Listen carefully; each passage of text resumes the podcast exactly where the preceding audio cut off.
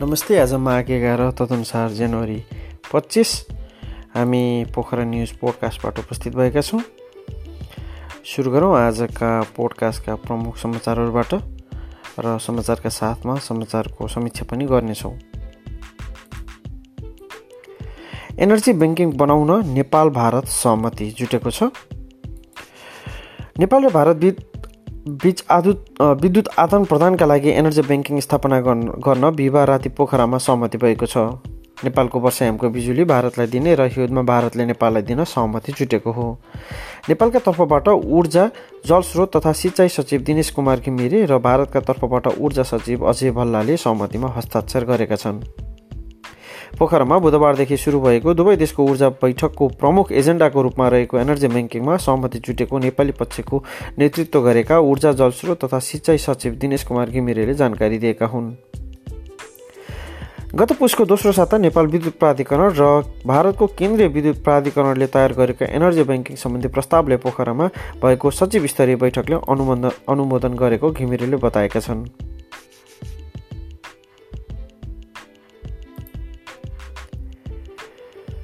पोखरा म्याराथनमा संरक्षकको रूपमा पोखरा महानगरपालिकाका मेयर रहेका छन्।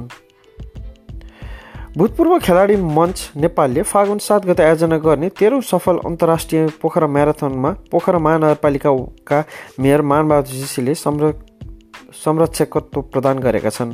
पोखरा महानगरको तर्फबाट पोखरा म्याराथनलाई सफल बनाउन संरक्षकत्व प्रदान संरक्षकत्व प्रदान गरेको मञ्चले जनाएको छ। स्मरणीय के छ भने एक साता अघि मात्रै गण्डकी प्रदेशका मुख्यमन्त्री पृथ्वी शिव गुरुङले पोखरा म्याराथनलाई प्रदेश सरकारबाट प्रदेश सरकारका तर्फबाट संरक्षत्व प्रदान गरेका थिए। विश्वका ठुला सहरहरू जस्तै New York marathon London marathon Berlin marathon Mumbai marathon Delhi marathon Kolkata marathon जस्तै सयौँ म्याराथनहरू वर्षेनी हुँदै आएका छन्।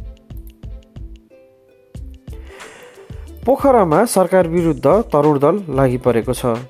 तरुण दलले सडकमा बृहत विरोध प्रदर्शनीका कार्यक्रमहरू पनि जारी राखेको छ।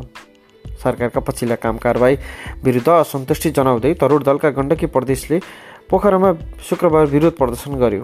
लामो समयपछि सडक आन्दोलनमा उत्रिएको नेपाली काङ्ग्रेसको भात काङ्ग्रेसको भातृ सङ्गठन तरुण दलले सरकारको अधिनायकवाद चरित्रको विरुद्ध आन्दोलन गरेको बताएको छ। त्यसै गरी पोखरा महानगरपालिकाको चौथो नगर सभा सुरु भएको छ।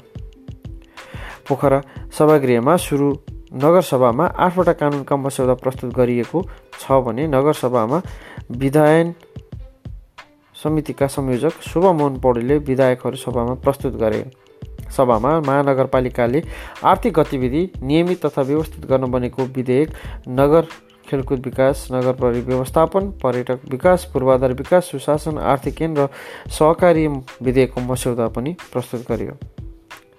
उक्त सभामा बोल्दै महानगरका प्रमुख मानबहादुर जीसीले कानुनको अभावमा महानगर अल्झिनु परेको अवस्था नरहेको उल्लेख गर्दै सङ्घ र प्रतिसँग समन्वय गरी अगाडि बढिरहेको पनि जनाउनु भएको थियो। पोखरामा माघ तेस्रो साता ITF under eighteen junior tennis प्रतियोगिता हुने भएको छ।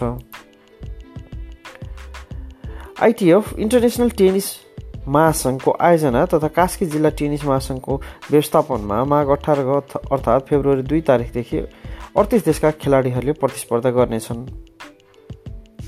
प्रतिस्पर्धाको लागि आइटिएफले अन्तिम नामावली प्रकाशित गर्नेछ। महिलातर्फ चौसठी र पुरुषतर्फ चौ चौसठीजनाले सहभागिता जनाउने छन्। तर प्रतियोगितामा महिलातर्फ चौरानब्बे र पुरुषतर्फ एक सय सत्ताइस खेलाडीको नाम नोमिनेसन गरेको प्रतियोगिताका संयोजक सूर्य भुजेल शुक्रबार पोखरामा आयोजित खेला पत्रकार सम्मेलनमा जानकारी दिएका छन्।